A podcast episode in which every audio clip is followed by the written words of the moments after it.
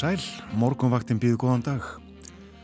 Það er förstu dagur í dag, komin 10. november, klukkuna vantar nýju mínutur í sjö. Og eins og þauðlur gatum, um sjónamenn þáttarins í dag, Eirún Magnúsdóttir og Björn Þór Sigbjörnsson. Við hugum að verinu, það hefur kólnatalsvert á landinu frá því gerð morgun og uh, hittinn svona öðru hverju megin við frostmarkið. Til dæmis einstigs frost í Reykjavík klukkan 6 hægur vindur, léttskíð já það er uh, líka hægur vindur um allt land við þökkum fyrir það. Mjög kallt í uh, uppsveitum borgarfjörðar tíu steg af frost á veðratúnastöðin í Stafóldsei norðustan þrýr tvekja steg af frost í Stikisólmi heiðskýrt. Einstigs hiti á Patríksfyrði hiti við frostmarki Bólungavík tveggjastega hitti á Holmavík en sjöstega frost á Blönduhúsi. Logn þar. Einstigs hitti á Söðunarsvita, einstigs frost á Akureyri, einstigs frost líka bæði á Húsavík og á Rauvarhöfn, hitti við frostmark á Skeltingstöðum en einstigs hitti á Eilstöðum. Allskíja þar, austan tveir. Einn gráð á höfni Hortnafjörði, hittin við frostmarkið á Kvískerum og einstigs frost á kirkibæðaklaustri. Fimmstega hitti á Stórhauða í Vestmanægum en sjöstega frost í Árnesi og uh, fjórastega frost við Káranhjúka, fimmstega frost í Veiðvatnarhraunni, áttastega frost á Hverjavöllum og tíustega frost á Sandbúðum. Logn þar, stafalogn. En hún horfur dagsins? Hvernig eru þær? Já, það er áframfrekar myllt en það er suðlag eða breytileg átt 3-10 metrar á sekundu skýja með köplum og sumstaðar skúrir eða jél en léttir til á norður og austurlandi. Og hiti verður á bylnu 0-5 stig en vægt frost norðaustan til. Svo snýst í austlaga átt 5-10 á morgun en 10-15 sunnan til setnibart Rykning eða snjókomaður og hverju á vestanverðu landinu en lengst af þurft eistra og hiti verður þetta um eða undir frostmarki en 0-5 stig sunnan og, og vestanlands. Það er, það er valla að merkja að, að það sé komin mikil vetur. Nei, og er þó komin 10. november. Það er vetrafærði í flestum landslutum á norður helmingi landsins segir hér, flestum landslutum á norður helmingi landsins, þetta er skeitin frá vegagerðinni. Og uh, hálka viða það eru hálkublettir til dæmis á Reykjanesbröð, á Grindavíkuvegi og Flótamannaleið, hálka á Krísuvíkuvegi, norðan Vaskarðs og uh, það er tildekki hér að uh, Bláalónsvegur, hann er lokaður um óákveðin tíma. Og það eru í mist hálkublettir eða hálka á nokkrum leiðum á Vesturlandi en uh, hálkaða hálkublettir víða á vestfjörðum. Og uh, þá líka við um Norðurlandið hálkaða hálkublettir þar á flestum leiðum. Og uh, einnig á Norðausturlandi snjóþekjarindar sumstaðar og allt líka á Östurlandinu við möttum að skoða þetta allt saman betur svona eftir því sem að líður á morgunin Kolniða myrkur auðvitað en þá og uh, verður í um það byrj tvær klukkustundir til viðbótar. Þetta hefur sinn gang. Dagurinn stittist enn stittist og stittist svo tekur hann að lengja. Aðeins að því sem er framöndan á morgunvaktinni eh, við ætlum meðal annars að uh, forvittnast um uh, suður kóreska menningu. Við ætlum líka að tala svolítið um Venus stuttum Venus en uh, margir dáðust að Venus í gerð og mánanum. Kristján Sigurjónsson rittstjóri túrista verður með okkur talar um ferðamál. Og uh, hér verður líka kajakræðurinn og náttúruverndarsinnin Veiga Gretastóttir en uh, förum betur yfir þetta allt saman á eftir tónlist. Líka á morgunvaktinu og hún kemur híðan og þaðan. Og uh, fyrsta lag þáttarins þennan morgunin uh, bestan af fjörðum hér er Múkisson Hugsa til þín heiti lagið.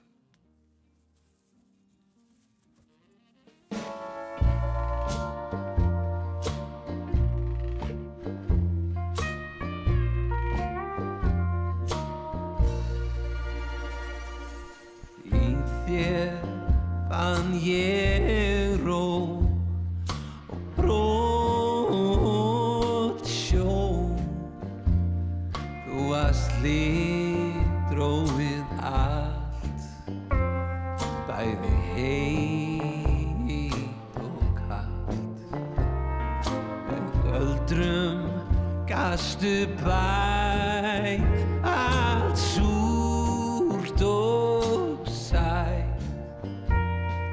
Já, hugun að elska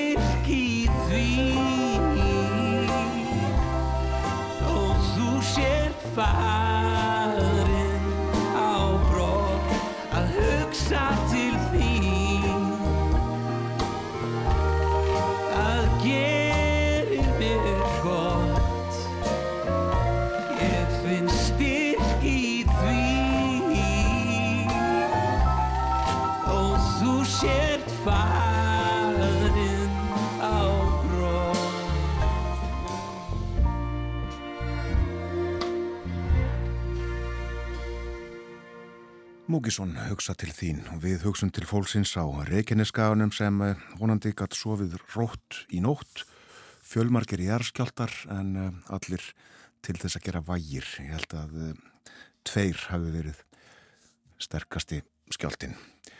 Framöndan eru fréttir, við fáum okkur aðeins meira kaffi í bollana.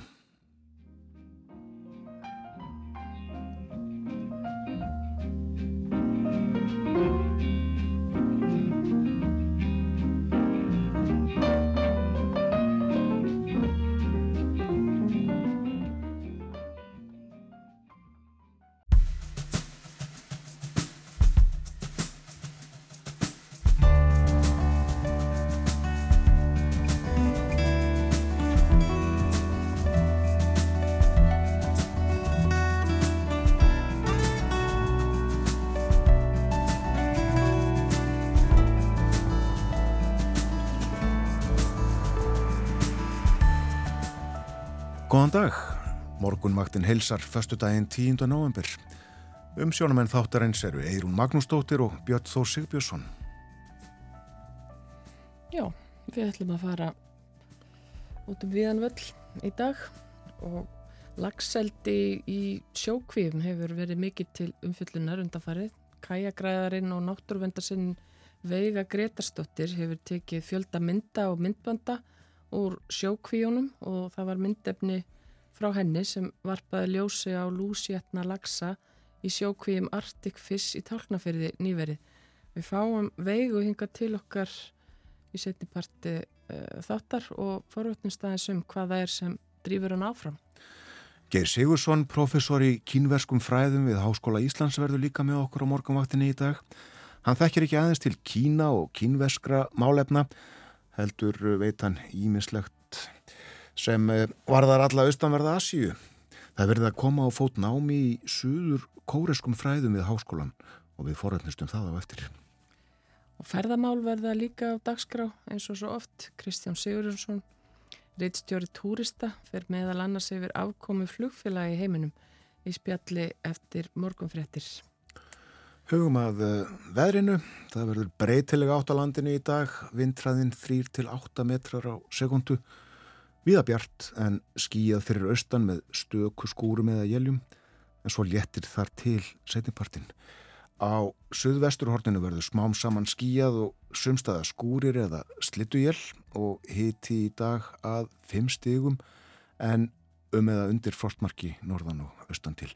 Og morgun lögadag Þá verður austlag átt 5-10 metrar og uh, svæði með dálítillir rigningu eða slittu mjakast norður á bógin um vestanvert landið, segir í hugleðingum viðfræðings. Og uh, á Suðvesturlandi í morgunsárið, á Snæfellsnesi um hádegi og á vestfjörðum sídegis og um kvöldið, annað kvöld samsagt. En þurft og bjart austalands, hitti breytist lítið á morgun frá því sem að verður í dag. En eh, austanáttverður á landinu á sunnudag, 5-13 víða, kvassara siðst 13 til 18 þar, dáli til rigning eða slitta sunnan og austan til, en annars bjart með köplum. Og hitti á sunnudag 0 til 5 stig en nálagt frostmarki fyrir austan. Það er hálka á vegum víða um land og uh, svo er það uh, norðurljósin, dáli til norðurljósavirkni á landinu í dag en mikil á morgun og uh, við búið að uh, fólk skimi eftir norðurljósum á uh, heimlinum annað kvöld. Smelli kannski að mynd og setja á samfélagsmiðla. Það er þekkt. Sánleika margar myndir af uh, mánanum og venusi frá því gerðmorgun á samfélagsmiðlunum í gær. En uh, tölum við mitt uh, svolítið um venus á eftir. Við það sem við fórum yfir í kynningu áðan má bæta að Við tölum aðeins um Venus stuttlega þó við Sævar Helga Bragason sem kallaður er stjörnusævar eins og við þekkjum. Nú nú uh, lítum í blöðinu og að byrja á morgunblöðinu er hún fúrt með það. Já, um, jörð skjálfur enn á Suðunessjum þó að hafi verið ekkert nema litlir skjáltar í nótt þá eru þetta gritvikingar margir um, uggandi og, og farnir að hugsa um næstu skrif en á forsiði morgunblæsins þá var þetta fjallaðum stöðuna þessa járskjöldarhrínu á, Reykjaneskaga sem var í fyrirnótt. Og það er haft eftir ármanni höskuldsinni á forsiði morgunblæsins að hann segir hérna þakið er að gefa sig, þetta er bara þannig. Fyrir mér er þetta bara dagaspursmál hvenar þetta kemur upp. Og þá við kviku.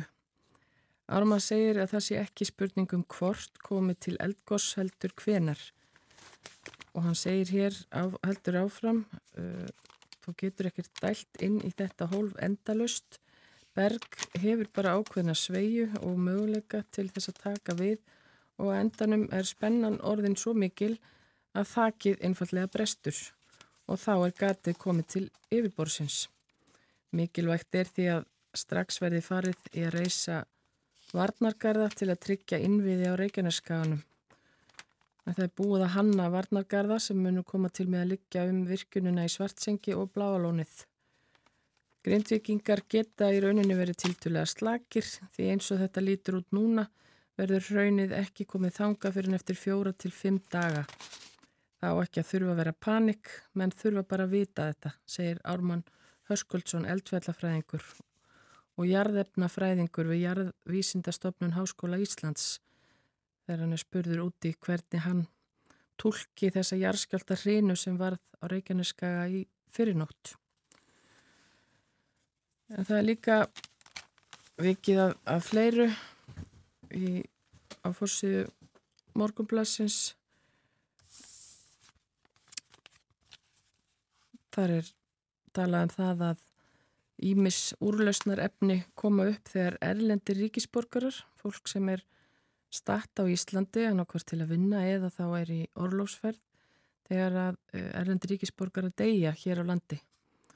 Og stundum eigi fólk, eigi í hlut fólk með líti bakland, eh, ekki með íslenska kennitölu eða, eða, eða annað og lendi því utangars og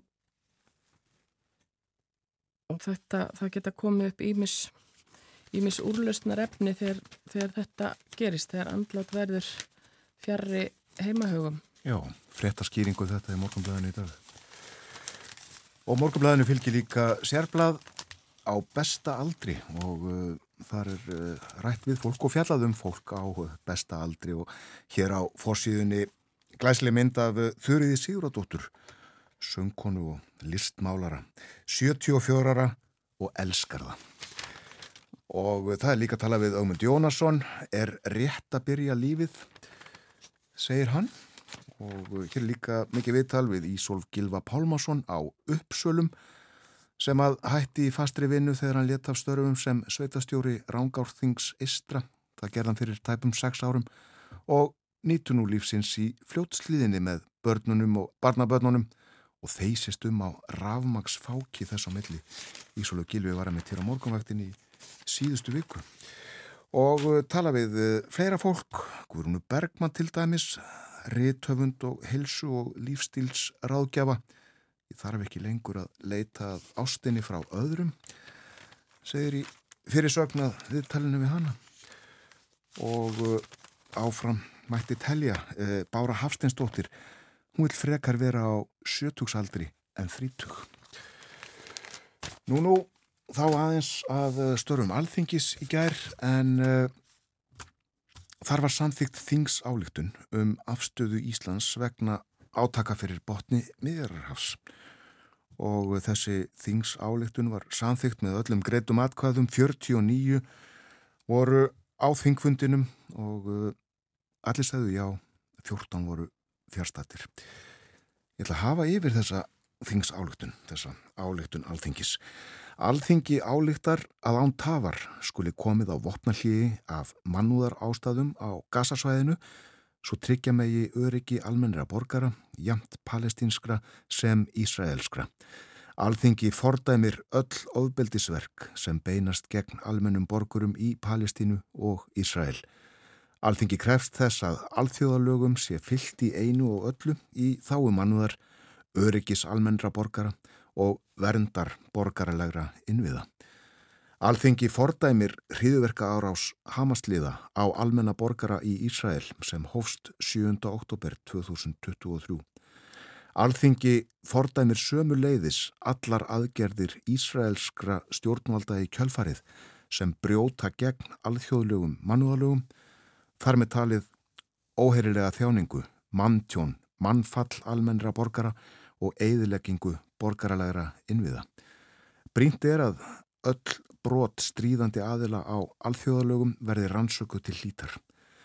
Alþengi kallar eftir mannúðlegri meðferð á og tafalausri lausn gísla, aðgengi hjálpar og mannúðasamtaka og að neyðar vistum og læknis aðstóð verði komið til almennings tafarlaust.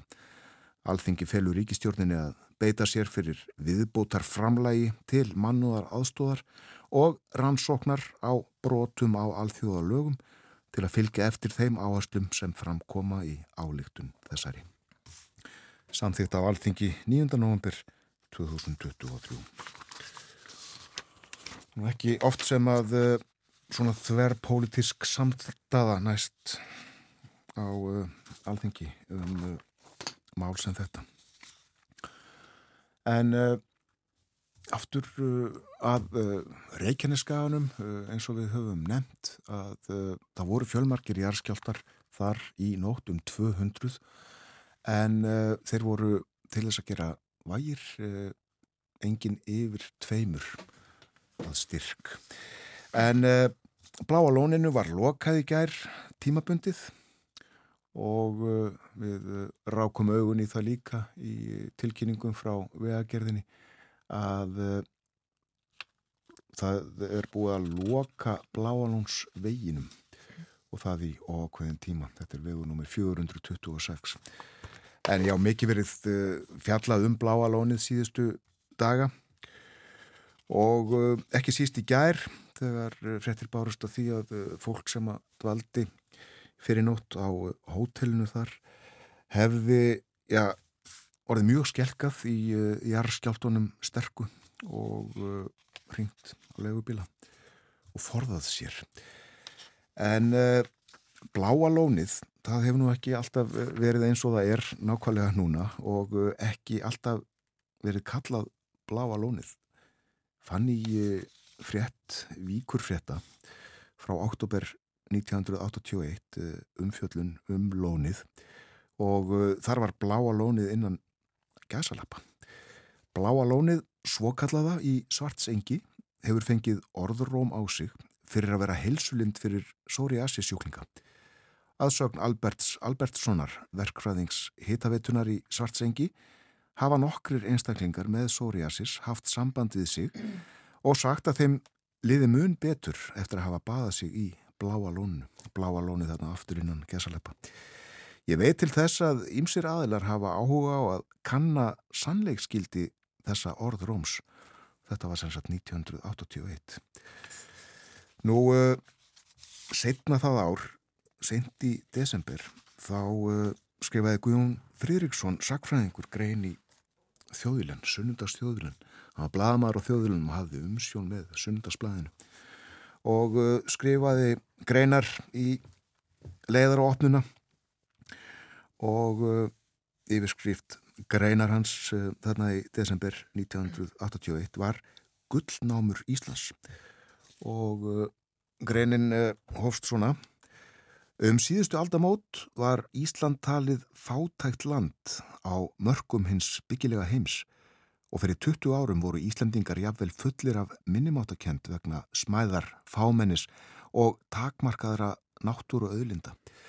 Nú erum við smám saman að uppgöta að við erum rík þjóð með nótt gæða og framtíðin er okkur í hag meðan fátt sínist bjart framundan hjá mörgum nágrunum okkar. Að vísu er veraldagengi vald og á einni nóttu getur veður skipast í lofti. Þetta var 1981 og uh, áframhjælt Guðjón Íslandingar eiga gullnámu, hún er hafið í kringum okkur sem við höfum tryggt okkur yfiráðarétt yfir á undanförnum áratugum. Ef við fáum að halda þessum dýrmættu miðum fyrir ágjörnum nágrunum og okkur lánast að nýta þau á skinsamann hátt, þá erum við á grætni grein. Og svo skrifaði Guðjón, aðra gullnámu eigu við Það er heitt vatn í jörðu og ónótuð orka í stríðum vötnum. Í raun og veru er hittaveita í flest húslandsins aðeins byrjun á nýtingu hittavassins. Það eru gríðalegi möguleikar. Mér dettur aðeins í hug bláa lónið í svartsengi.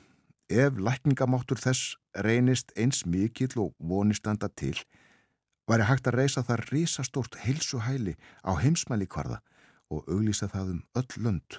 Psoriasis sjúklingar skipta miljónum, engum í Evrópu og Norður Ameríku. Þetta skrifaði Guðjón Freiriksson í Þjóðviljan 1981. Og uh, aðeins meira af bláalóninu úr uh, gamlum blöðum.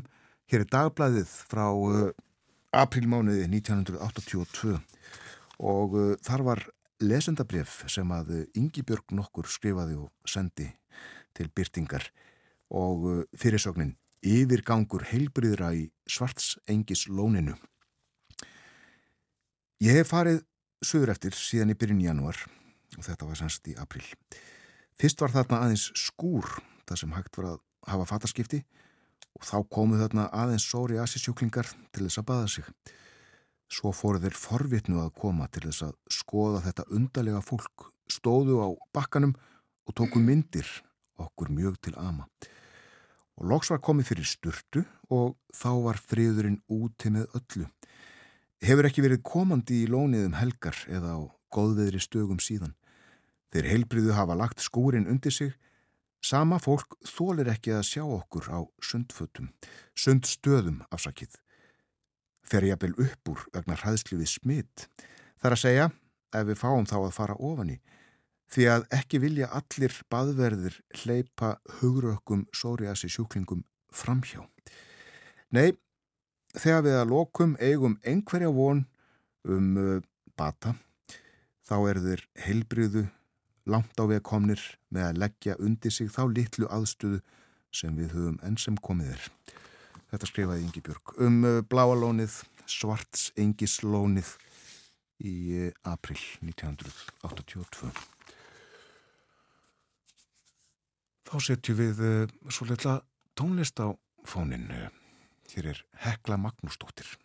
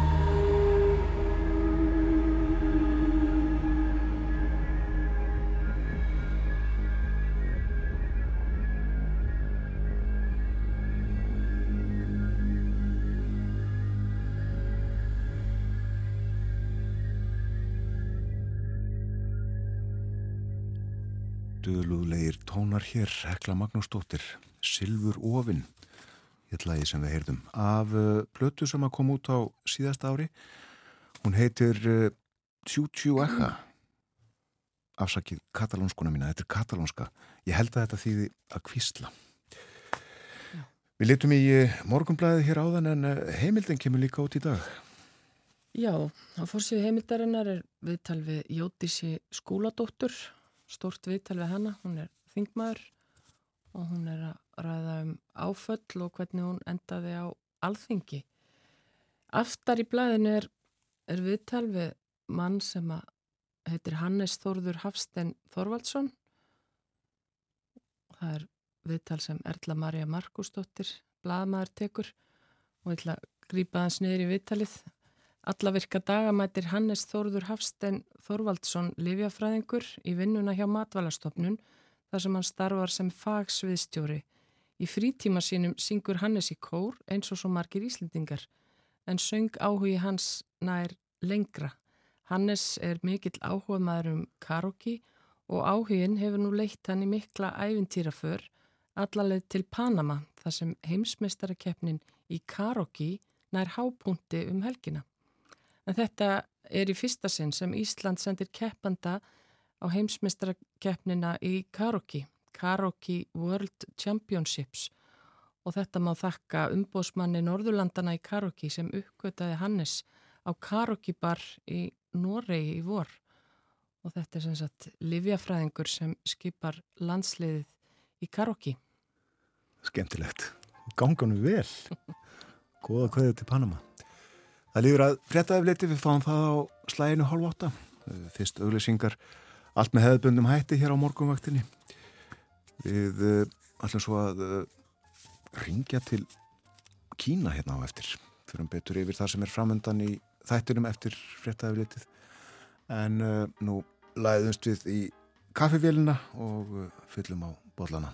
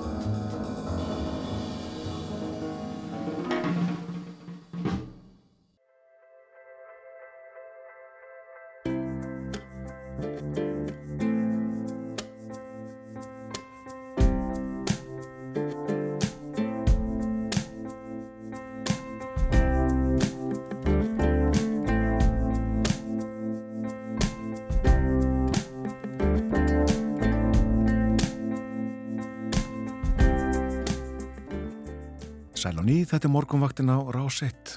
Það er förstu dagur í dag komin 10. november og klukka núna réttliðilega halv átta. Um sjónamenn þáttarhens Björn Þó Sigbjörnsson og Eirún Magnúsdóttir. Það verður ágættis veður á landinu í dag, suðulega eða breytilega átt, vindræðin svona að 10 metrum á sekundu. Skíja með köplum, sumstaðaskúrir eða jél, en léttir til á norður og austurlandi. Og uh, hitin í dag uh, að 5 stegum má þó rekna með vægu frosti austan til á landinu. Og aðeins að því sem er framöndan við ætlum að tala stuttlega um Venus hér á eftir og mm. það gefnu tilefni. Kristján Sigur Jónsson, rittstjóri túrista verður með okkur eftir morgunfréttir og við ætlum meðal annars að tala um afkomu flugfélaga í heiminum.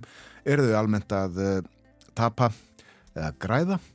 Og svo minni ég á að gestur okkar klukkan hálf nýju verður Veiga Gretastóttir kajagræðari og náttúru unnandi. En uh, nú að öðru er hún. Já, ný stopnun sem kend er við King Se-jong og stöðlar að fræðslu um kóreist mál og menningu hefur verið sett á laginnar við Háskóla Íslands. En í frétt á vef Háskólans um þessa nýju stopnun segir að það sé vaksandi áhugi bæði á kóreisku tungumáli og, og menningu hér á landi og hann er á línunni hjá okkur Geir Sigursson, professor í kínveskum fræðum en hann er eitt þeirra sem hefur komið af þessari nýju stopnun uh, Geir, getur þú kannski fyrst uh, staðsett þig í, veröldinni sagt okkur hvar þú ert? Já, ég er stattur í uh, annari stærstu borg Tæfan, söðuluta Tæfan sem heitir Kaohsiung kannski ekki margir af að heyrtum en þetta er mikil borg 3 miljónir eða svo. Já. Hvaðan kemur þessi mm, áhugi á, á kóri og, og kóresku sérstaklega sem ég gatt um hérna áðan? Sko sá áhugi hefur verið fyrir hendi í ansi langan tíma og ég hef oft fengið fyrirspurnir frá bæði ungu fólki og, og foreldruður að hvort að það standi, hafi staði til að, að setja á lakirnar nám í, í kóresku fræðum við Háskóla Íslands. Ég hef fengið fjölmarkar slíka fyrirspurnir í gegnum tíðina og uh, sko hann kemur áttalega kannski sérstaklega til vegna þess að, að, að því að, að kóriðumenn eru sérlega döglegir í, í svona framleiðslu sjónastáta og, og hérna þeir eru með popkultúr sem er eh, ansi vinsall meðal ungsfólks uh, og fleira svona í þeim dúr þannig að ég myndi segja að það sé svona helst svona þessi dægur menning sem að hefur kannski hérna laðað uh, ungt fólk að kóriðskri menningu. Og, og þá gegnum jafnvel samfélagsmiðla eða hvað? E, já, það er auðvitað, tónlistinn sérstaklega, það er þetta svo kallega K-pop sem hefur verið mjög vinsalt á Vesturlandum lengi og síðan uh, hafið örgulega tekið eftir því að það hefur verið mikið um já, kvíkmyndir og, og hérna, sjónvastætti og annað sem að hafa líka notið mikill af vinsalda og koma frá Kóriu. Uh, þannig að það er svona kannski þessi, svona aðlað þessi menning. Ég veit ekki hvort að samfélagsmiðlar hafi leikið eitthvað stóran þátt í þessu en uh, öruglega einhverju leiti. En svona almennt er hægt að merkja eitthvað svona aukin áhuga á asískum fræðum eða getum sagt svo og, og svona því að þekkja betur til í, í þeirri heimsálfu? Já, við erum auðvitað, við HÍ höfum verið með sko japansku í bóði alveg, alveg í 20 ár síðan 2003 og hún hefur alltaf verið gríðalega vinsæl. Um, mjög margir nýnemar á hverju ári, yfirleitt á bylunum 20-30. Um, síðan var, uh, voru kínvæðsfræði sett á lækirna 2007 og það hefur gengið kannski aðeins riðsjótara uh, í kínvæðsku fræðanum og ég, það, það er ekkit einstæmi á Íslandi, þetta er, gengur svolítið upp og niður í Evrópu, ég hef talað við kollega mína á Norðurlöndunum og Evrópu og það er svona áhugin uh, upp og ofan uh, og það er nú einfallega vegna þess að já, nefnendur sem að sækja það námi eru svolítið öðruvísi heldur en þeir sem að sækja sérstaklega í japanskuna. Japanskan hefur líka mjög svona sterka dægurmenningu sem að um, þykir aðlandi. Kína hefur kannski ekki alveg náð því og, og þá er, er einfallega hópurinn sem að sækja námið, hann er öðruvísi eða að leita einhverju öðru. Þá er það annarkort fólk sem að hefur haft einhver kynni að Kína Eh, eða eh, sér fram á að Kína náttúrulega verði, verði er náttúrulega er þegar orðið á eh, margar hát leiðandi í viðskiptalífi heimsins og svona sér sér kannski leika borði að, að hérna, eða tækifæri, einhver atvinnutæki fyrir sem að snúa því og, og kóreskan, eh, hún er kannski keimlík japanskunni hvað þetta varðar. En uh, við mögum náttúrulega ekki gleyma því að Kórea er líka greiðalega mikið uh, yðinríki. Þetta er, já, með minnir er tólta stærsta hagkerfi heimsins, uh, mjög stórt og sjötta eða sjönda stærsta útflutningsríki heimsins. Þannig að, að það, það er það er talsveru hagvöxtur í, í, í Kóru, söðu Kóru þar að segja Og, eh, og að mínu mati og að mati margra minna kollega þá er nöðsynlegt að við búum yfir sérfræðingum í framtíðinni sem að hafa tök á já, bæði að tala tungumálið og auðvitað lesa í menninguna. Það er að segja að þið hafi svona ákveði menningalæsi og, og skilji betur hvað framfer í, í þessum ríkjum að þetta eru öll greiðalega mikilvæg ríkjum. Við þurfum ekki að eiga mörg hundruð sérfræðinga en við þurfum að hafa einhverja kennari kórisku við háskóla uh, og, og umsjónamæður þessa, þessara nýju stofnunar. Uh, hún segir hér á uh, Som, Somjóng Somjóng, já. Hún segir hér á í frétt á vef háskólans að hún hafi hitt nefendur hér á, á Íslandi sem að hafa bara lært kórisku jafnvel upp á einn spýtur.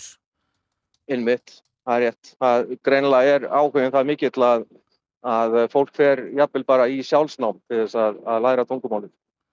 Þannig að það, er, það eru einhverjir nemyndur sem að hafa reynilega kent sér sjálfur og, og koma síðan í nám til að dýfka þekkinguna. Já, og hafa virkilega svona ástriðu fullan áhuga á því að, að læra tungumálið og, og tilenga sér menninguna og, og, og skilja þetta samfélag betur. Þannig að það er, það er gríðarlega mikill áhugið. Það er líka að tala um það að uh, Íslandingar og, og sögurkóriðmenn eigi það sameilegt að vera afskaplega stolt af sínu tungumáli. Að, að, að þetta er svona, eins og segir hér, snar þáttur í þeirra sjálfsvitund og kórið búið einstaklega stoltir af kóriskri tungu og ekki síst kóriska stafrónu. Uh, Ætlaði að sé þetta sem tengir, sem að býrti þennan mikla áhuga hér. Ég skal nú ekki segja um það, en uh, þið getur ímyndið ykkur að, að Kórea er, þótt að Kórea sé, sé að morgan hátt mjög stórt land, það er að segja telur 50 miljónir íbúa um það byll, það er að segja Söður Kórea, svo er náttúrulega 20 miljónir að auki í Norður Kórea, að þá er þetta dvergur í samanburði við um, nágrannarna tvo, stóru, Japan og, og Kína, sem að hafa í gegnum aldirnar uh, verið að ráða svolítið yfir Kóriu og, uh, og, og hafa gert svona leppríki á, á mismunandi tímanbylum. Lengi var það náttúrulega Kína en svo kom uh, Japan við sögu svona undir lok 19. aldar og, og það er kannski eina ástæðan fyrir því að, að svona já, sjálfstæðis barátta Kóriu hefur verið mjög sterk og og þeir eru með ofsalega sterkar sjálfsmynd, uh, menningarlega sjálfsmynd sem að byrtist á kannski engum í tungumálunu, kannski sérstaklega í rittmálunu eins og hún nefnir, uh, vegna þess að lengi vel að þá notuðu kóru menn kínvesthátt uh, til þess að, að skrifa, þeir tóku, tóku þetta frá Kína á sínu tíma, en síðan var það akkur þessi King Sejong sem að stopnunum er kent við, sem að, sem að hannaði rittmál kóruumanna og gerði þeim þá kleift að vera með sitt eigi ritmál sem að já, skiptir vantilega sköpum fyrir þeirra uh, menningarlegu sjálfsmynd. En viltu segja okkur aðeins á hvaða ferðalagi þú ert þarna núna? Er þetta vinnuferð?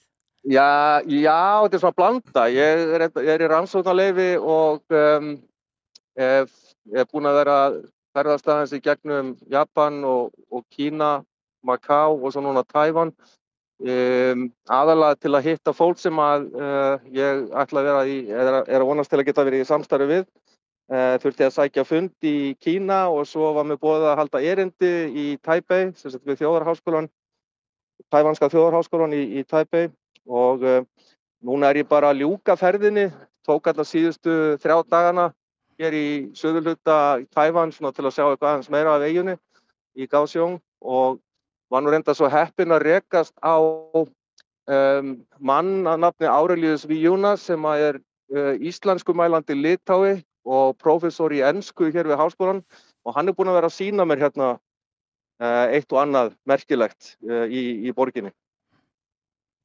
Þú, ert, þú sagður okkur þú ert stættur á lestarstöð en það er nú ekki mikið læti á bakveði, þú fundir rólega stað. Já, ég fann mér Já, ég fann mér mjög gott afdrif hérna aðeins bara fyrir utan og eh, hérna er fólk bara svona að koma út og Tævanar eru reyndar alveg gríðilega svona hljóðlátir. Það, það tala yfirleitt ekki mjög hátt og, og hérna fer svona frekar lítið fyrir það þótti séu kannski í stórum hópum. Já. Takk fyrir að vera með okkur, Geir, og, og góða, Já, ferð, góða ferð heim. Já, takk að fyrir. Takk, bless. Geir Sigursson á uh, Braudarstöð í Tævan langt, langt í burtu. En uh, við ætlum hér uh, næst að uh, fjallaði mitt um fyrirbæri sem er já, enn lengra í burtu frá okkur heldur en Tævan. Nefnilega Venus sem að margir virtu fyrir sér í gær morgun. Hún var óvinnleg og glæsileg samstaða Venusar og tunglsins.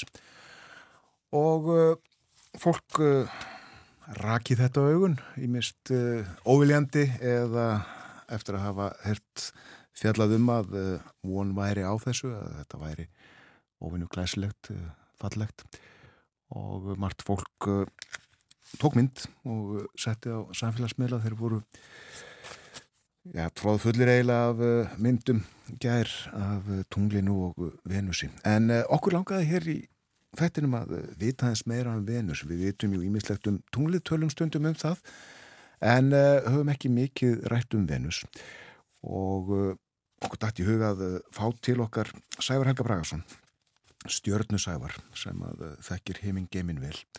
En það vil svo óbyrlega til að uh, hann er í flúvél akkurat þessa stundina. Hafði því ekki tök á að sitja með okkur hér við borðið en uh, Við hittumst í gær og uh, spjöldluðum stuttlega út undir berum himni og ég bað Sævar Helga uh, um fyrst að segja okkur frá bara töðurum Venusar. Já, Venus býr yfir töfrum ónættilega þegar maður horfur á hana heimlinum þá er hún alla jafna afskaplega skær og gullfalleg og kannski ekkit skrítið að hún sé nefnd eftir gyðju ástar og fegurðar eins og fólk tók eftir þegar tungli var hann rétt hjá henni. Uh, hún er líka til dæru að nálátt okkur og þótt að hún sé falleg á heimlinum þá er hún samt svona flæðundi fögru skinni vegna þess að þetta er svona nöttur í sólkjörnum sem líkist hver mest helviti með við hugmyndir okkar um það.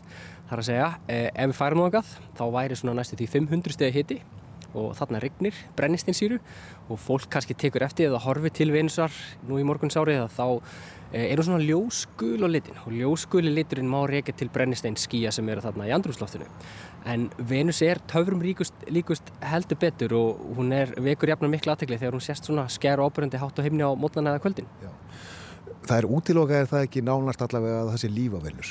Sko það eru vangaveltur upp um það að líf gæti þrifist í skíunum á Venusi. Það er nefnilega í svona 50 km hæð og svo að þar er hitastíði bara frekar notalegt, svona kannski kringum 20 gráður.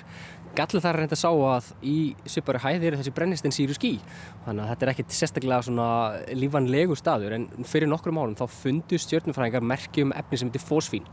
Og fósfín er gastegund sem á jörðinni verður engungu til frá litlum bakterjum. Þannig að það gæti verið úrgangu bakterja í skýjum Venusar en það er ekki búið staðfesta þá uppgötun og raunar draga margir hana í Eva og við þurfum kannski að býða eftir bara öðrum leiðungurum til Venusar til þess að geta skóri úr um það. Þegar við virtum þetta fyrir okkur í gerðmorgun að uh, þá uh, leit út fyrir að vera afskaplega stutt á milli mánans og Venusar Já. en uh, hversu stutt eða langt var þarna milli? Það var ansi langt bil á milli. Venus er sagt álega stóru og jörðin okkar og í núnum þessa myndi þá er Venus 122 miljónir kílómetri burstur frá jörðinni og ljósi er þar alveg cirka tæmlega 7 mínútur að berast frá Venusi til jörðar á meðan að tunglið er bara í 384.000 km fjarlægt þannig að ljósið er bara eina sekundu til jörðar þannig að tunglið er markvallt, markvallt nær okkur og nógu stórt til þess að hafa getað hulið Venus á heimlunum í gerð. Við vorum akkurát að há réttum stað til þess. Það voru öll uh, skilirðið upp á tíu í gerðmorgun. Þetta gerist aftur strax í næsta mánuðið, ekki? Já, ef fólk misti af þessu himneska stefnumóti núna í november, þá fáum við annað tækifæri núna í byrjun desember. Og það er náttúrulega vegna þess að tunglið mánuð að fara í kringum jörðina. Þannig að þetta endur tekur sig, eins og ég segi, morgunin 9. desember. Og þá er reyndar aðeins mér að bila á millið þeirra. Þannig að það er ekki svona eins og þessi að kissast aftur, heldur þetta svona aðeins fjarlægara stefnumót, en engu síður afskaplega fallegt. En uh, byrtan frá Venusi, hún er svo óvennilega, er það ekki? Jú, hún er rosalega mikil og það helgast að því að ljó, uh, skíin í andrumsloftinu eru rosalega ljósleitt, ljósgull og hún er náttúrulega tiltöla nálátt okkur sumulegis og e, þannig að hún speiklar mjög stórum hluta af því ljósi sem fellur á hana þannig að hún er bara í raun og reyn svo reysastór speil og það skýrir það hversu hún er svona rosalega skær á heimlunum frá okkur séð og það er kannski gaman að pæla þá líka í því ef við til dæmis stæðum á Mars og þá verður jörðinstundum svona skær á Mars heimlunum þannig að hérna, það er gaman að kannski setja sig í þannig spór og stundum eru önnur lítil tungl þar skamt frá henni á heimlunum Við hittum uh, þú uh, og, uh, fræðimenn og áhuga menn ímislegt um Venus byggt á rannsóknum svona síðari ára og áratöga en hvaða höfmyndir höfðu menn á öldum áður um Venus? Já, við vissum náttúrulega afskaplega lítið um Venus lengst af og það er raun og ekki nema með tilkomu gerfinhættaaldar að við höfum getað rannsakað Venus almenlega og komist að því að þarna var ekki líf heldur þvert á móti, eitthvað staðu sem er eins fjandsamlegu lífi og getur, getur hugsast. En svona á kannski miðaldum og, þeirra, og kannski svona setna á enduristum tímanum að þá fór fólk að velta fyrir sér hvort það gæti jafnvel verið einhver þarna þessum stað. Og það var til dæmis e, því var haldið fram á þarna byggi fólk sem var svolítið sem máratnir Venus væri mögulega einhvers konar svona fennjasvæði, Flórida því Venus var náttúrulega nær sólinu og svona.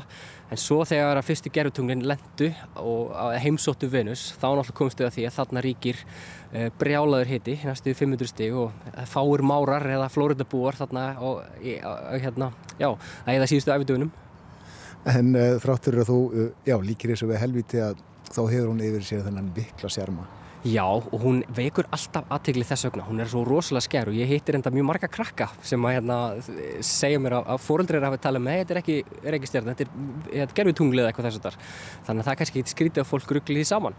Og svo náttúrulega flakkar hún yfir heiminin, þannig að hún hverfur smá saman sjónum okkur núna uh, þegar það líður á undir lok þessa árs og, og við sjáum því miður ekki stefnumóti sem verður í janúar, því við erum aðeins norðalega og svo njótu við hennar ekkert almennilega aftur fyrir bara í loka næsta árs og upphafi eh, 2025 það, þá verður hún kvöldstjarnar og hefur þá yfir sig sama töfrum, töfrandi blæ. Emitt, eh, þá verður hún já kvöldstjarnar en er núna morgunstjarnar Er akkurat núna morgunstjarnar og var núna bara í oktoberis langt frá sólinn í vestur áttu mögulegt var.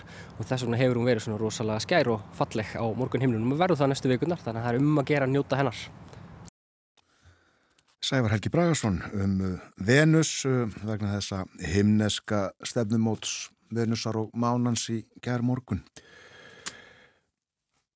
Karlar eru frá Mars, konur frá Venus. Uh, það er metsölu bók sem kom út fyrir, hvað, 20, 25 árum kannski eitthvað svo leiðis, fjallaðum samskipti kynjana ef mann rétt.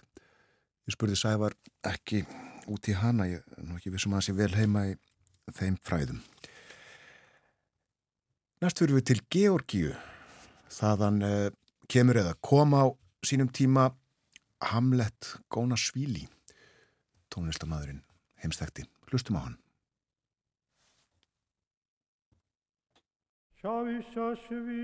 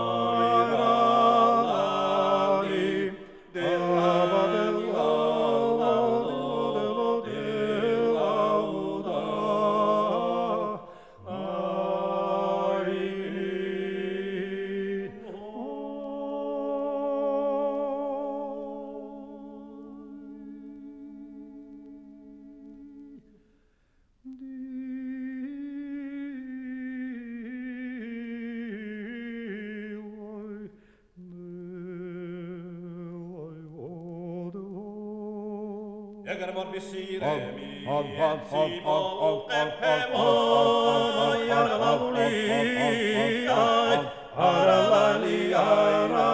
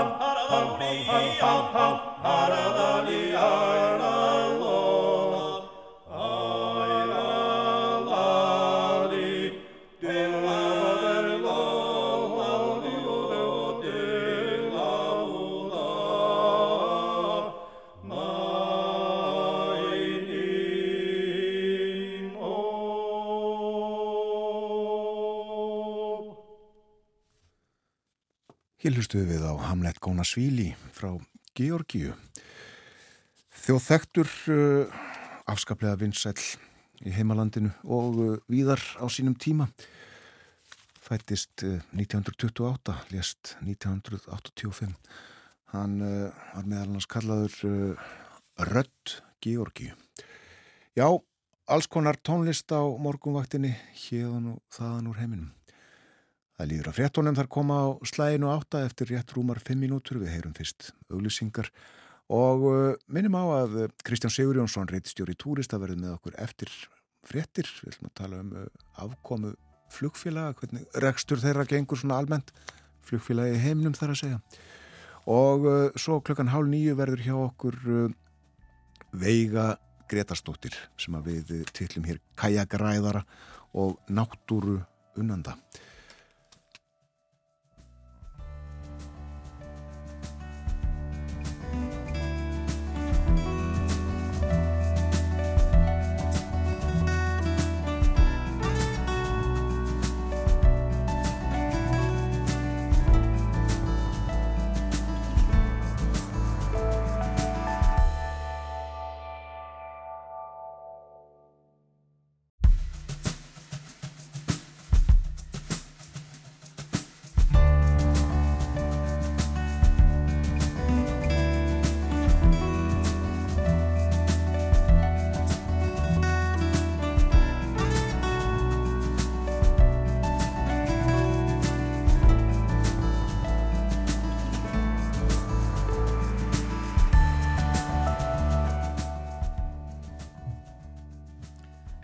Morgunvaktin heldur áfram.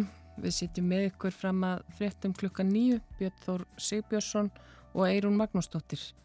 Við hringdum á þann allarleið til Tævan og rættum við Geir Sigursson, professor í kínveskum fræðum, um nýja stopnun við Háskóli Íslands um kóreska tungu og menningu. Hann talaði við okkur um aukin áhuga hér á landi á, á kóreskum og raunar asískum fræðum almennt. Sævar Helgi Bragason sagði okkur frá Venus sem steg dans með tunglinu á himninum í gerðmorgun.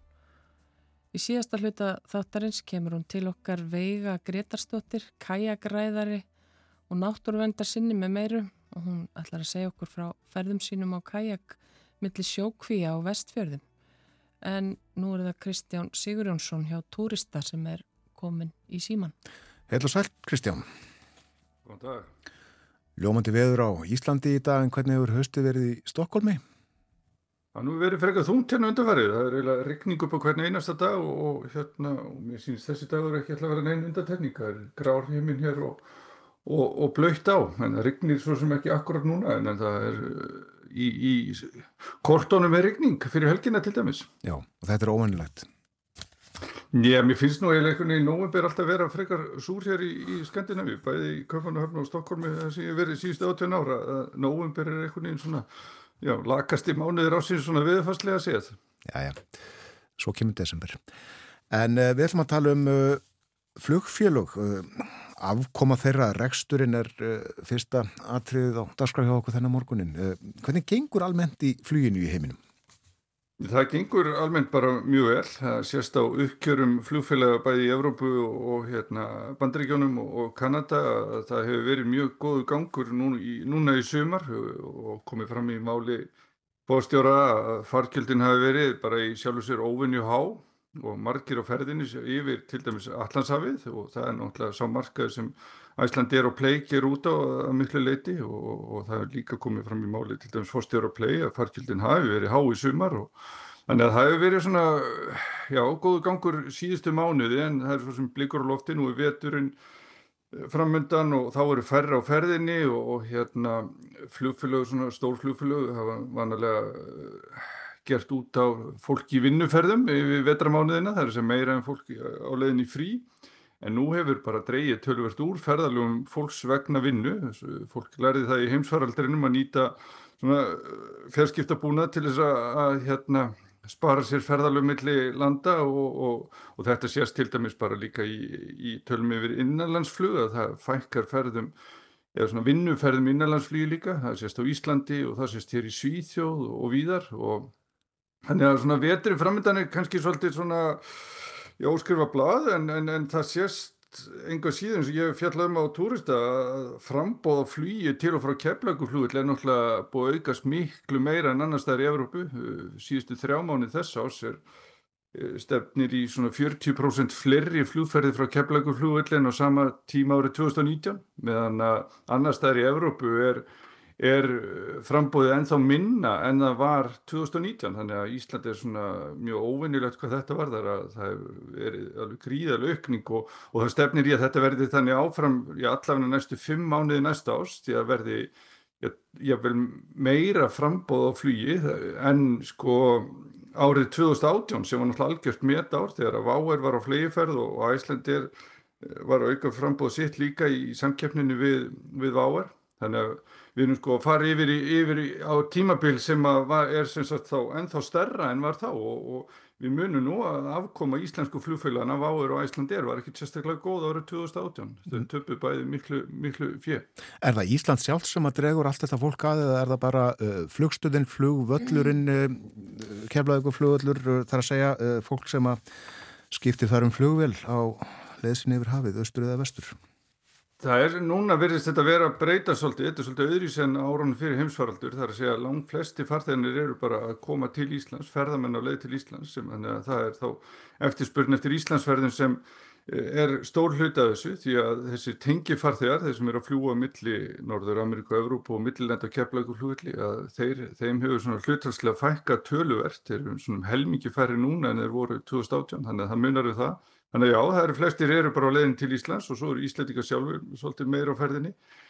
Og en svo verðum við bara líka að vona að það sé innistæða fyrir þessari miklu aukningu sem Ísland er og, og play sérstaklega eru að, að hérna, eh, stefna á, það er að segja að það sé margar fyrir allir þessu flýi núna næstu mánuði því að það náttúrulega er eh, allt þekkt að flugfélögu í okkar heimsluta þau tapa oftast tölverið fjö yfir vetarmánuðina, það er á sumrin sem flýið skilar eh, verulegum afgangi en svo er tapið við vetramániðina og, og það er akkurat núna sem að sem frambóð á flýið, það sé núna alveg fram í mæ sem frambóð á flýið frá keflaugurflúið er að auka svona mikið þannig að maður er svona, ég, ég, finnst þetta frekar merkilegt að sjá hvað það er í sjálfu sér stemt að miklum umsum á keflaugurflúið lífið vetur.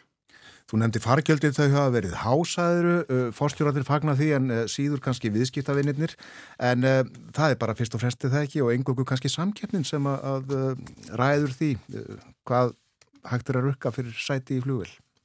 Jú, jú og, og það er einmitt svona sérmaður að til dæmis fórstjóri Ryanair sem er nú svona stærsta lágjaldaflugfélag Európu, hann sagði nýverið að hann gerði ráð fyrir að fargjöldin næsta sumar eru ennþá herri og vísaði þá ekki bara til sko hérna já bara ferða áhuga fólks heldur líka þeirra staðrindar að það er skortur á flugvilum það, eh, það gengið miklu hægar til dæmis hjá Boeing flugvilaframleðandunum að auka afkvöstin en, en gert var áð fyrir. Þannig að eh, flugfélag sem eru að býða eftir nýjum Boeing Max þótun til dæmis þau eru farin að afskrifa hluta þeim fyrir næsta sumar og eru að keppast um leiguflugvilar og á sama tíma þarf að kyrsetja sko annað þúsund erbjörnstóta vegna bílana í hreplum uh, þannig að svona almennt stefnir í að frambóð á flýjum mun ekkit auka sérstaklega mikið á næsta ári nema frá kjöfleikur flugli uh, af því að það vantar bara flugvilar og, og þar að leiðandi er líkur á að, hérna, fargjöldin hækki ennþá meira. Já, þú nefndir uh, kjörflugmanna er, eru þau mjög misjöfn eftir félugum? Já, þau hafa verið það og, og það hefur til dæmis, þetta er mjög áhugaverð umræða til dæmis í, í bandaríkjónu þar sem að stóru flugfélagin hafa þurft að hækka uh, hérna laun flugmanna umtalsvert og það er sérst núna á hérna uppkjörum flugfélagana að launakostnaðurinn er að aukast í bandaríkjónum og lággjaldaflugfélagin Vestanhás þurft, hafa þurft að hækka launin líka til þess að bara eiga sem sé að halda í sinn mannskap þannig að þetta er að koma niður á, á hérna svona rekstri bandaríska flugfélag svolítið núna en það við erum upp á móti hvað er mikil eftirspur en, en svo sjáum við núna til dæmis bara á Íslandi að, að Play hefur þurft að hækka laun sinna flugmanna tölverð til þess að hérna halda í, í sína menn því að það náttúrulega er þannig og sérst að að það er tölver ásókn meðal flugmanna play eftir lausum störfum hjá Íslandir uh, hátt í 30 flugmenn fært sér frá play til Íslandir í ár og, og play er með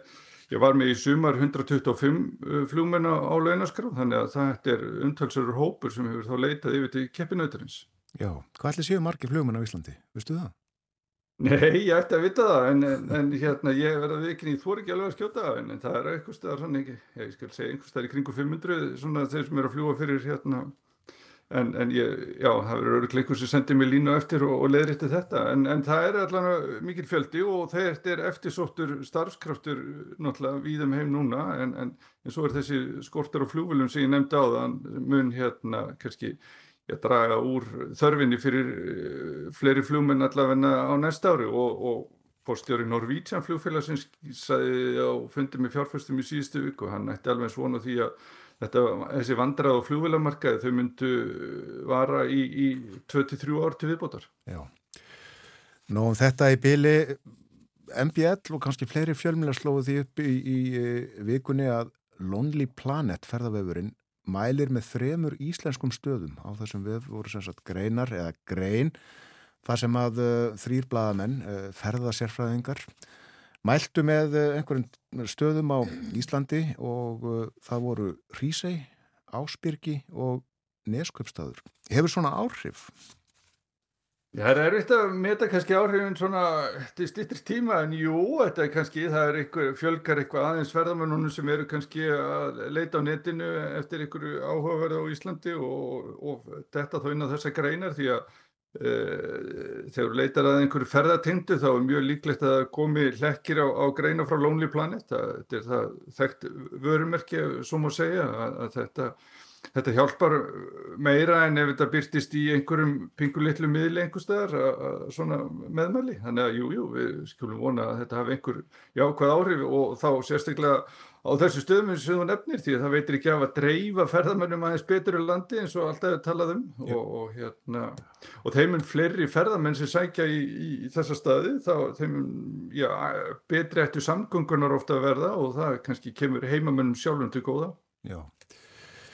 Ég kemingað fyrir kyrðina, fugglalífið, gönguleðirnar og útsýnið. Hrísæ situr í miðjunni á löngum fjallagarði með stórkoslu útsýni til allra átta, skrifar Karolín Bein. Hún er ferðabóka höfundur og hún valdi sem sagt Hrísæ.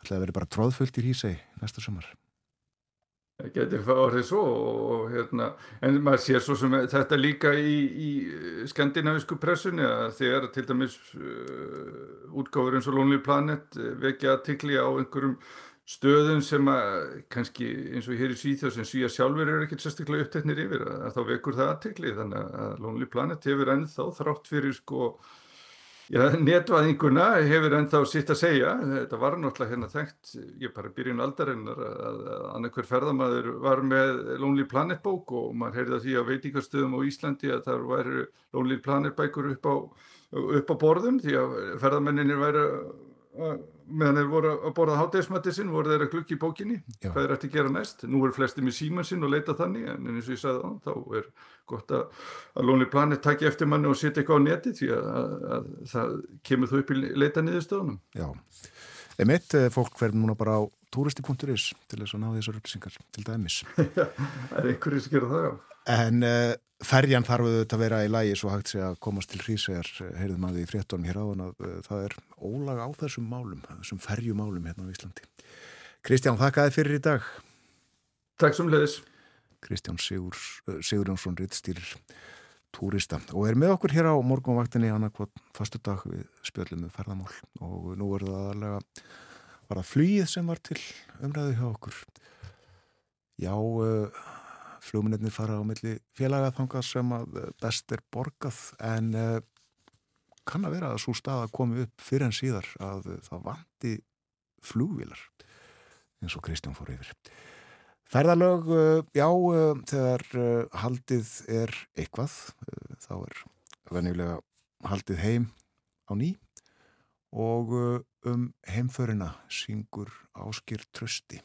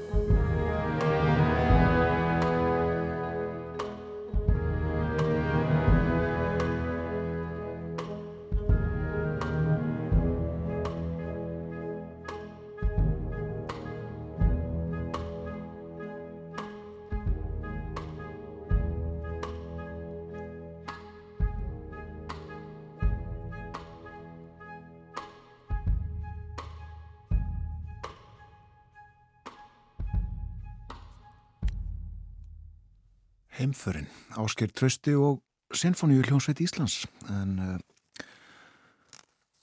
Ásker og hljómsveitin heldu hljómleika í hörpu í síðustu viku og þetta var hljóðritaði aðdraganda þeirra hljómleika. Haraldur Sveinbjörnsson útsetti heimförina fyrir hljómsveitina Ross Jamie Collins stjórnaði. Ásker Trösti samt í lagið en eh, Einar Georg Einarsson fadir hans tekstan. Það er förstu dagur í dag, 10. november og uh, meðal afmæli sparna dagsins er Kristín Jónsdóttir, jarðeðlisfræðingur sem við þekkjum svo vel úr frettunum.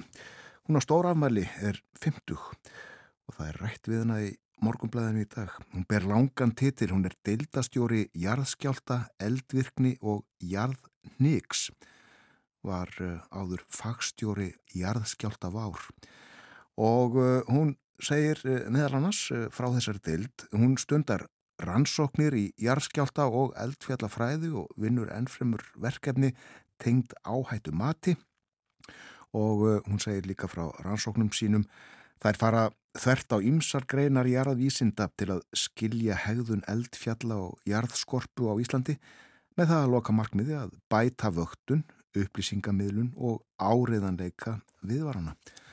Mikið mætt á Kristínu síðustu daga og mun eflust gera áfram. En uh, stjórnusbáinn hennar og uh, annara spordrekka fyrir daginn í dag er svona. Það getur einst holdt að draga sig aðeins í hlið frá skarkala lífsins auðvið í að þakka fyrir það sem þú hefur. Einnið er gott að telja upp fimm hluti sem þú metur í eigin fari.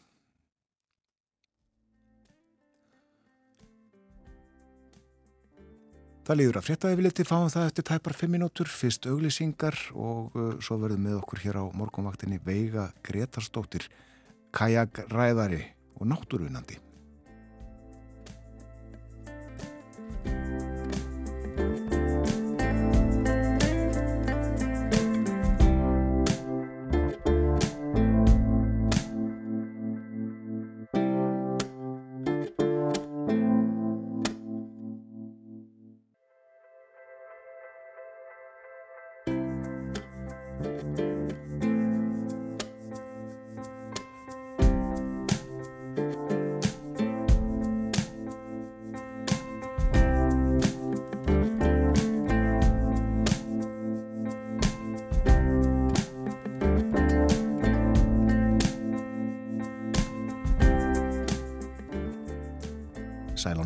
Þetta er morgunvaktin á Rás 1, klukkan núna réttliðilega hálf nýju og framöndan síðasti hluti þáttanins þennan morgunin. Um sjóna menn, Eirún Magnúsdóttir og Björn Þór Sigbjörnsson. Hugum aðeins að veðrinu, það verður breytilega átt á landinu í dag, vindræðin þetta 3-8 metrar á sekundu, viða bjart en skíjað fyrir austan með stöku skúrum eða jæljum, en það léttir þar til setnipartin. Á suðvesturhorninu verður smám saman skíjað og sumstaða skúrir eða slittuél. Hiti að þeim stigum en uh, kannski rétt undir frostmarkinu norðan og austan til í dag. Og uh, á morgun verður hitastíð á landinu svipað og í dag og uh, sömu er að segja af sunnudeginum. Veðrið verður um helgina áþægt því sem það verður í dag. Við höfum spjallaðum ímislegt í þættinum uh, töluðum aðeins um Venus eftir uh, þetta himneska stefnumót Venusar og Mánans í gerðmorgun sem að margir tóku mynd af og byrtu á samfélagsmiðlunum og uh, allir norðurljósin verði ekki myndefni morgundagsins það má búast við mikilli norðurljósavirkni á morgun. En næsta mál á strá? Já, við höfum séð ansi ókræsilegar myndir eða myndbönd úr sjókvíum á vestfjörðum og Veiga Gretarsdóttir er sest hjá okkur. Velkomin á morgunvaktina. Takk. Myndefni frá þér af lúsjetnum lagsi hefur vakið mikla aðtekli og þú færð þinn að ferða á kajak og myndar sjókvíjar á vestfjörðum mér langar að þess að spyrja þið fyrst um hvernig þetta byrjaði, hvað var til þess að þér dætti huga flakka á milli sjókvíja og, og dokumentera lagseldi? Herri, það er nú frekar lung saga. uh, 2019 þá er ég hringin kringum landið á móti ströym en fyrir þann tíma þá fannst mér bara rugglega að vera að flokka sorp og ruslasólis og pældi ekkert í umhverjunu stóð alltaf þeirri meiningu að Ísland væri reynd land. En í þessari ferð þá breytist eitthvað hjá mér og ég fór að sjá til dæmis öll söðuströndin, þakinni rusli meðlarkasletta, slanganisið, hotstandir og já, svona þetta var svo einfall líf og þarna já, allt sem þurfti var í kajagnum bara aldrei átt eins einfall líf. Og þarna ég var næjusumari, fór svona að lifa svona mínumennskari lífstil eftir ferðina. Og fór svo út að týna rusli, ég kom heim, bara á kajagnum plokka reynsa fjörurnar og svo var það eitt skipti sem ég var að róa fram hjá kvíum að, sem ég hefði oft gert áður en aldrei pælt í þeim. Og þá svo ég dauðan fuggli í, í hérna, hlýðanetti óanetni kví. Og ég ákvaði að fara að skoða. Og fór upp á kvínu og kíkti. Og þá fór ég að sjá ljótalagsa og, og þannig byrjaði þetta. Þá fór ég að fara á fleiri staði. Sá alltaf sem er suguna og fór að taka með mér GoPro myndavel og selfistöng og byrjaði að mynda. Þannig, þannig byrjaði þetta og eftir því sem að þú mynda meira þá meiri viðpjöð sér það eiginlega. Þannig að þetta er uh, hálkið tilvílun eiginlega. Það er Já. þetta fuggl sem leiðir þig Já, að kvinni já, uh, Þú ert fætt og uppalinn á Ísafyrði uh, hefur svo tenging þessar rætur hafa þær ykkur áhrif á það sem þú ert að gera? Að því að þetta er á vestfjörðu ekkert frekar. Ég hef verið að mynda fyrir austan með bara náttúrun yfir höfuð og dýralífið mér veist að, já Mm. það er það sem ég er að reyna að venda En þær voru heldur svona ókræsilegar þessar nýjustu myndir af lúsjættum lagsi í sjókvíf í tálknafyrði nú á dögunum. já, Mjög svona sláandi myndefni og sem sýnir vel hvað, hvað þessi dýr þurfa þjást mikið og, og, og þessi, þessi dýr þurfa að þjást mikið áður en að þeim var slátrað til þess að bera á borð fyrir loðdýr. Uh, kom þetta að sjá þetta, þessa ú- miklu útbreyslu lagsa lúsar, kom þetta þér á óvart að sjá hvað þetta var slæmt? ég hef aldrei hana eins og hérna veist, það var hérna 2022 sem drast mikið í dýraferði og þá náði myndum að höfnin að vera að koma, koma fiskunum um, já, landunum í hérna Hortafor og höfninu þingari þá náði ég svolítið drastisku myndum líka og hérna en ég hef aldrei séð hana eins og svo hérna og mér skilst að menn hafa ekki séð svona í 30 ár svona myndindi Þannig að mér bráð þegar ég sá skjáin á drónunum ég var að byrja að mynda. Ég átti ekki vona á þessu.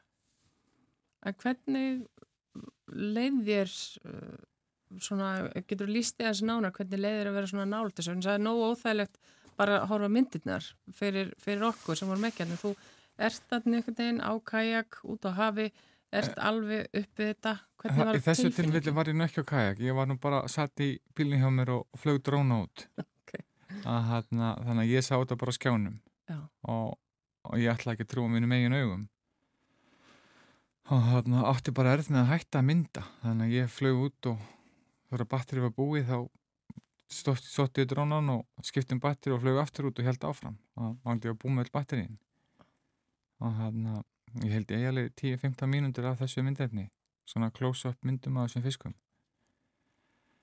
En svo bara leiðu ég að slökka drónunum þá bara kveikti ég á tölvinu og byrjaði að skoða og þá fyrst sá ég virkilega hvernig þetta var. Og áttaður þau þá strax á því hvað þetta væri, að þetta væri þessi lagsa lús. Já, já, ég vissi það alveg sko því að hérna, þeir voru alltaf nýbúin að fá leifi til þess að eitra. Það er bara þrein fjóri vikum áður þá voru þeir að eitra allar kvíarnar. Þá var ég myndi svæðinu líka og fylgdist með þeim að þess eitra. Þannig að ég vissi alveg hvað var í vandum sko að, að þú veist, að það væri lúsa faraldur en ekki að fiskurum vera allur meira að minna jétin ég svo ekki einn heilbreiðan fisk á þessum myndinni sem ég er með Og þetta er vist þannig að þetta er bæði lagsa lús og svo einhver, einhver baktería sem að Já, í rauninni heldur áfram og grassirar í fisk, fisknum og, og getur hann. Já. Uh, ég náði myndum að þið voru að dæla fisknum úr, sko, döði fiskurinn sest á botnin í kvinni. Svo eru þeir að dæla fisknum upp úr kvinni og í bát og í hennar hortafor og það sést á myndskeiðinu að, þarna, að affallsvatnið, það er svona skiljaðan borð það sem að skilur vatnin, vatni frá fisknum og vatni fyrir í sjó. Þá er svona hvít brák sem er á yfirbori sjáanis og eins fljótandi á kvinni og mig grunar að þetta sé grútur. Þetta lags er feitur fiskur og þar er komið einhverjir fleiri hundru þúsundu fiska döðir á botnin, byrjar að rotna. Þá er það náttúrulega bara kjöru aðstæði fyrir bakterir að þrýfast í svona krúta pækli Hvað viðbröð hefur þú fengið við þessu myndefni? Hafa þau verið bæði jákvæð og neikvæð, kannski? Bara jákvæð, jú, það er líka neikvæð sko. En hérna þau eru búin að vera eila svona yfirþyrmandi viðbröðin og hérna búin að fyrir að tala um ansimarka fjölmila ansimarka er að rósa mig fyrir þetta. En ég hef ekki fengið svona nei neikvæð viðbröð svona í, í personu þó ég hef séð á kommentarkjörunum Mm. en hérna já, fólki bara sjokkrað Ælilega. já, Uh, hvaða búnað ertu með? Þú talar, þú ert, uh, þarna ertu í bíl og ert að mynda með dróna, Já. en svo ertu líka á, á kajaknum stundum. já. Hvaða búnað ertu með svona almennt þegar þú ert þar? fyrir að mynda Já, þá er ég bara með GoPro-vilar Já. Já, jú, ég tek dróna með mér að kajak líka stundum Já. að hérna gerir það en þetta lítur að vera bara lítið um sig frekar, það, þú ert ekki með heilt stúdíu þarna úti á hafi. nei, Nei. En hvernig getur aðeins lísti hvernig þér líður þegar þú fer út á, á kajaknum og ert eitthvað staðar á miðjum, miðjum fyrir þig, hvernig svona, hvernig er tilfinningin? Ertu, hefur ekkert tíma lendið í einhverjum háska eða er þetta góð tilfinning að vera einn á, á kajak út á, á vestferðum? þetta er uh, nei, bara einn besta tilfring sem ég upplifað að vera ein út í náttúrinu með selum og fuglum og, og jafnvel kvölum að hérna ég hef alveg búin að lendi því tjóðsusunum að lendi inn í miðri grindkvælavöðu það er bara einstök upplifun og hérna mér finnst bara fátt betra en að njóta náttúrun og kajak en jú, jú, ég hef alveg lendi í, í hættu sko og hérna og já, já, haldið að ég kemist ekkert heim aftur sko eins og ég ring fyrir inni að hérna þegar ég var að rótlinnis fyrir langanessið það fontin á langanesi svart á þóku, tveggjum undir ölduhæð og engi staði þess að lenda og, og hérna og já, það voru svona ekkert vola skemmtilega ræðstæður Að þú komist, já, já, komist aftur? já, ég þurfti að, þurfti að hérna, fara að anda djúft og eiga stóra samræði við sjálf og einn að róa mig niður. Það lifi ekki óttan að taka völdin. En þegar þú ert að mynda sjókvíja eldi, er einhverjir sem að reyna að hindra þína för? Nei, ekki hindra. Ég myndi ekki segja það. En þeir hafa alveg haft samband við mig sko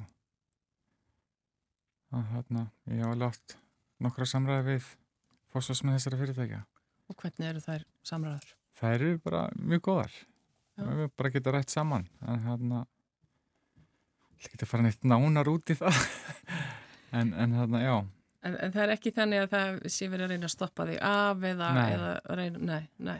Nei. nei. En heldur að við myndum vita eitthvað af þessu ef að þú hefur ekki farið þarna og, og myndað? Ekki eins og við, nei, við myndum vita miklu minna. Já. Ég er svo eina sem hérna á svona myndirni hérna á Íslandi til dæmis. Já. bæði af, af hérna botnunum til dæmis undir kvíjónum nú kom frétt í hausta að, að Mast er búin að kaupa svona drónakabot eins og gemið til þess að geta farið eftirlit undir kvíjar Mm. þannig að það þurfti eitthvað svona til. Hvað svona drýfur þig áfram í En á- þessu? öll? náttúran já þannig að við, bara, já, við verðum að taka þú veist, hugsa náttúran okkar og, og hérna ekki, ekki mengana Mm. þetta er náttúrulega óbáslega mengur sem hlýsta þessu, lúsa eitur, kópar mengur óbáslegt mikroplast sem fer í sjóin fleiri fyrir tonna ára mikroplasti og náttúrulega óbáslega skítur að þetta, hvað er fyrra sem var framleitt 46.000 tonn og það jafngildir saur á við tæpla 800 smanna þjóð Já. og svo eru komin kröfur um að við sögum með skólprinsistöðvar já, það má ekki tvær í sjóin en svo með að þeir setja allt í sjóin Mm. og hérna ég hef talað við bændur sem er að segja mér það að þeir sjá mun á, á lífríkinu í hjörðunum já, þeir sem eru kunnjur og þessum stöðum, þeir merkja breytingar. já, já. Hvað heldur að gerist næst? Þess, ég veit það ekki. En ég ætla að vona allan að regluverkið verði hert eftirlitið og hérna ég myndi vilja fara með upp á land eða í loku kerfi út á sjó. Það sem þau þurfa ekki að eitra fyrir lúsinni og hérna nota kópar mengun eða kóparoxið losna við plastmengunna og, hérna, og þá geta hýrt upp skítin eftir fiskin og jafnvel framleitt ábærið honum Að það eru fyrst og fremst þessar opnu sjókvíjar. Já, það sem allt er beint sem í hafið Já, sem að svona, Já, við erum að, það veist eins og djúpi til dæmis, Ísafjara djúp, þetta er uppeldistöða þosks og ef við ætlum að fara, veist, það, það er ekki spurning hvort heldur hvenar lagsalúsin kemur þanga líka. Þetta er búið að vera stigvaksandunum síðustu árin. Þeir eru lausið þetta fyrir austan, en það eru með annu vandamál eins og margleitu faraldur og, hana, og þessi blóðþorri sem kom upp hjá þeim líka. En eftir þessi mynda stækkar eikst þá aukast vandamálin og við erum bara að sjá það núna. heldur að væri öðruvísi eða sagt að það væri búið að bregðast harðar við ef þetta væru ekki fiskar heldur eitthvað stærri dýr, spendir, eitthvað landdýr sem væri þjást. Ég hugsa að það er allt vittlust að það sæðust myndir úr fjárhúsi þar sem að hverja eina, einasta rolla var með hálfvítu höfuð röltandum og dettandi niður það er allt vittlust í samfélaginu. Ég held að bóttið sko.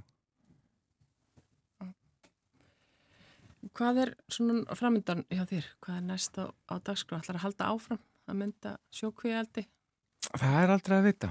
Bara að halda áfram að berjast fyrir náttúrunni og hérna hvort sem það er að berjast fyrir sjó, að gegn sjókvíaldi eða að reynsa fjörur. Ég gerir mikið af því líka, týna rusl. Og hérna mér líður bara mjög vel í náttúrunni. Að- já, reynsa það Með við svona þína reynslu að því þú ert búin að fara um allt land og eins og segir dræða þetta strandlengjuna alla. Uh, getur við sem að erum kannski ekki að fara á kajak uh, út á, á fyrir því, getur við gert eitthvað? Getur við björn gert eitthvað til dæmis? Já, já, það er hægt að fara í göngufyrir í fjörurnar og reynsa og bara, bara í- næri umhverjunu líka, bænum. Það er, þú veist, það er náttúrulega eina skeitt sem að fer kringum geldiganissi og maður reynsa rusl og svo kemur aftur þetta halamánu og það er komið nýtt rusl. Það er bara svo leis. Og þetta hefur þetta allt áhrif á lífriki já, hafsins. Já, þetta brotna niður og, og hérna fer í náttúruna. Breytist í mikroplast og, og fer í lífrikið. Ég þakka þér eh, innlega fyrir komuna vega Greitastóttir. Takk Já. fyrir að vera með okkur á morgunvaktinni. Takk fyrir mig. Og eftir þetta spjall þá uh, setjum við á fónin gamlan smell með Rod Stewart.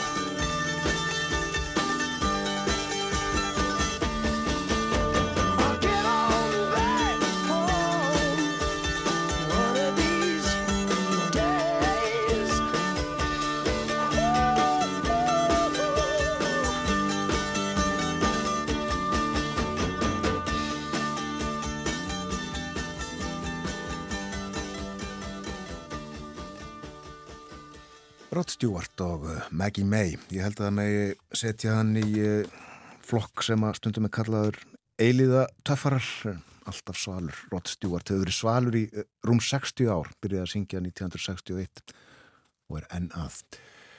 Vega Gretastóttir satt hér hjá okkur áðan við töluðum um þessar myndir sem að hún tók úr uh, lagseldis fyrir vestan sem að margt fólk hefur auðvitað séð í fréttum og alltaf óhug.